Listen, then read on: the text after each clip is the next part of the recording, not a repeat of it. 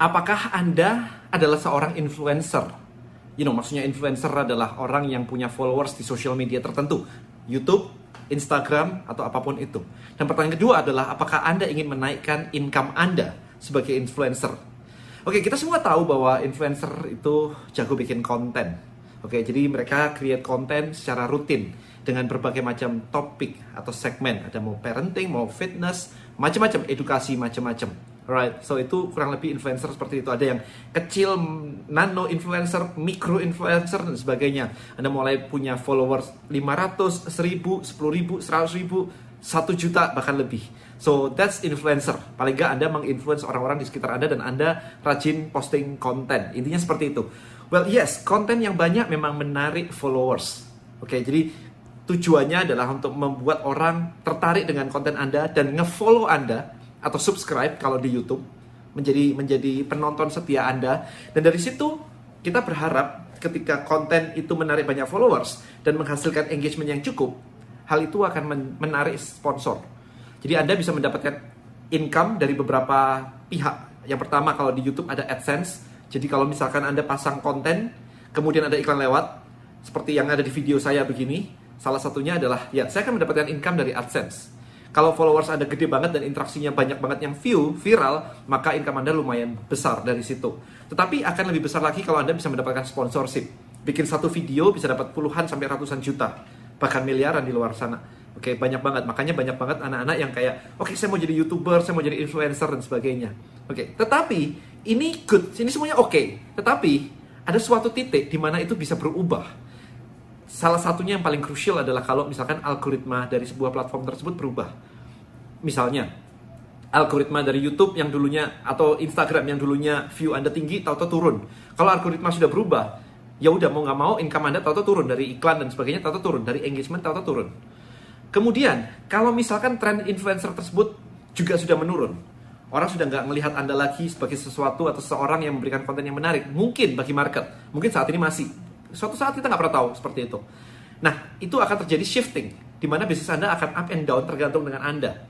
Saya dulu, dulu banget, uh, cukup lumayan gede di Twitter.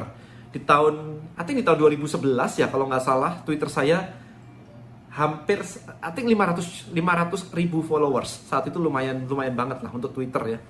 Nah, setelah semua shifting ke Instagram, maka Twitter juga sepi-sepi aja sih sekarang posting konten ya paling yang baca juga dikit-dikit aja nggak nggak seramai zaman dulu gitu jadi terjadi perubahan Instagram kayaknya sekarang sudah mulai agak turun dan orang-orang pindah ke TikTok for example ini contoh aja yang terjadi di di masyarakat pada umumnya nah shifting seperti itu juga juga membuat omset jadi naik turun. Jadi kita tergantung banget sama platform, tergantung banget kalau ada sponsor. Kalau nggak ada, ya puji Tuhan kalau misalkan ada sponsorship dari dari berbagai pihak masih lancar datang ke ke tempat Anda. That's okay, that's fine.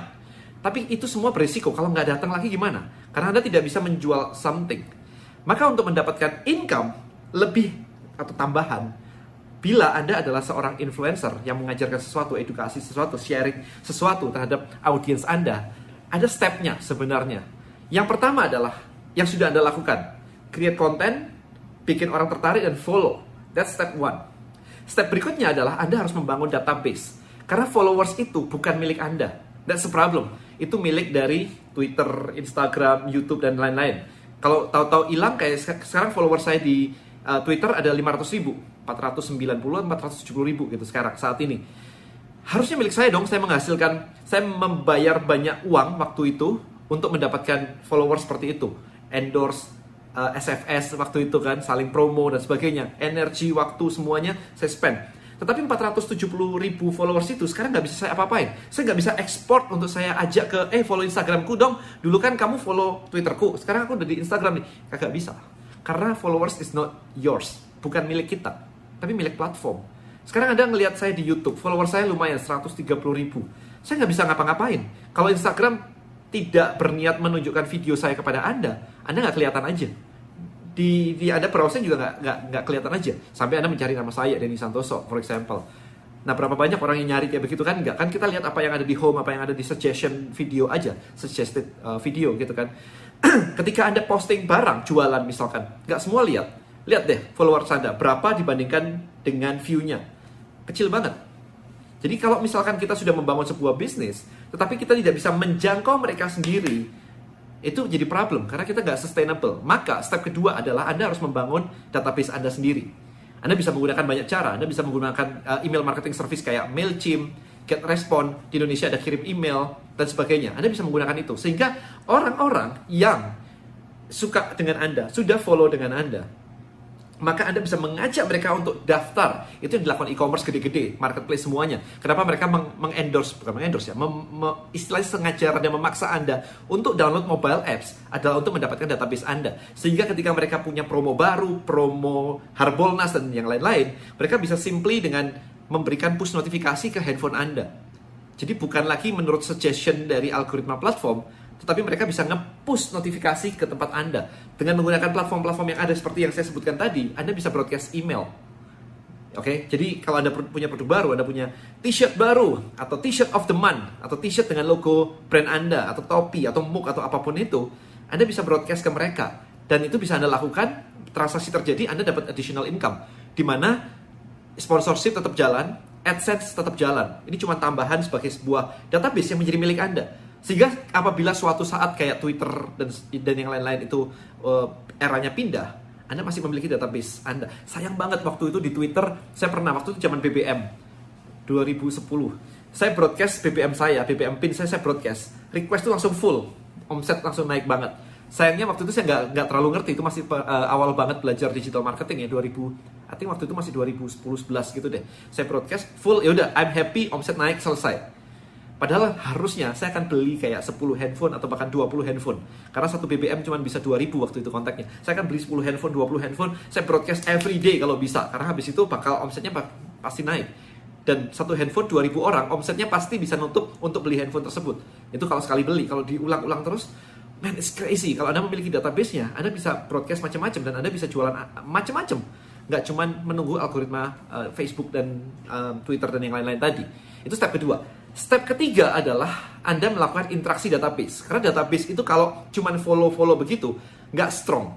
Akan lebih strong kalau mereka itu bisa satu dengan yang lain itu bisa berdiskusi. Makanya ada WA group, ada Telegram group, ada Facebook group. Itu sekarang yang menjadi prioritas. Nah, problemnya adalah di luar sana, kalau untuk interaksi seperti itu, balik lagi, Anda cuma bisa pakai platform WA group, Telegram group, sama Facebook group. Di mana problem terbesarnya, database bukan milik Anda lagi database adalah milik mereka. Anda nggak bisa mengekspor data WA group. Anda harus nulis satu-satu, copy paste satu-satu. Ya ada tools-toolsnya di luar sana yang bisa narik keluar kayak begitu. Tetapi tetap aja WA group cuma 256. Kalau follower Anda di di YouTube ada 100 ribu, mau bikin berapa WA group? Gak bisa ke handle. Anda nggak bisa bikin konten lagi kalau kayak begitu. Anda sibuk ngebalesin chatting, ya kan? Kemudian yang berikutnya kalau Telegram dan Facebook Group sama aja. Facebook Group ada posting yang lihat juga cuman kayak I think 5 persenan ya, maksimum di 10 persen. Sisanya enggak dan Anda nggak bisa broadcast lagi ke mereka. That's the problem. Alright. So Anda bisa gunakan platform seperti Tribelio yang didesain gabungan antara Facebook Group dengan email marketing service kayak Mailchimp atau GetResponse atau kirim email tadi. Kita blend in. Jadi Anda simple banget tinggal kasih link ke mereka, kemudian Anda ajak mereka masuk ke dalam database Anda. Simple, cuma gitu doang. Setelah Anda kumpulin di situ, baru Anda akan bisa jualan edukasi, sharing konten yang lebih eksklusif di dalam situ sambil membangun interaksi. Bahkan interaksi yang terjadi di sini pun karena ini komunitas dan database milik Anda, Anda bisa cari sponsor yang mau mensponsorin sebuah komunitas. Nggak cuman mensponsorin apa yang ada di YouTube. Ini ada juga yang mau seperti ini. Jadi Anda bisa dapat income dari mana-mana. Jadi menjadi apa ya istilahnya kayak multiple stream of income jadi itu adalah cara untuk menaikkan omset Anda kalau Anda adalah seorang influencer. Apa pun sih sebenarnya sih, Anda mau influencer di Instagram, mau influencer di YouTube, yang penting krusial banget. Satu kuncinya database di tangan Anda, kedua database diolah sehingga mereka berkenalan satu sama lain ber, menjadi sebuah komunitas dan men, apa istilahnya ya? Kalau saya bilangnya adalah membangun hubungan baik semua orang. Anda ke member Anda, member Anda ke Anda, member Anda dan member Anda saling kenal satu sama lain.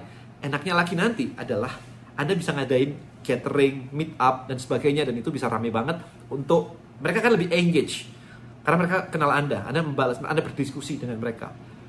Well, itulah cara untuk menaikkan income Anda sebagai influencer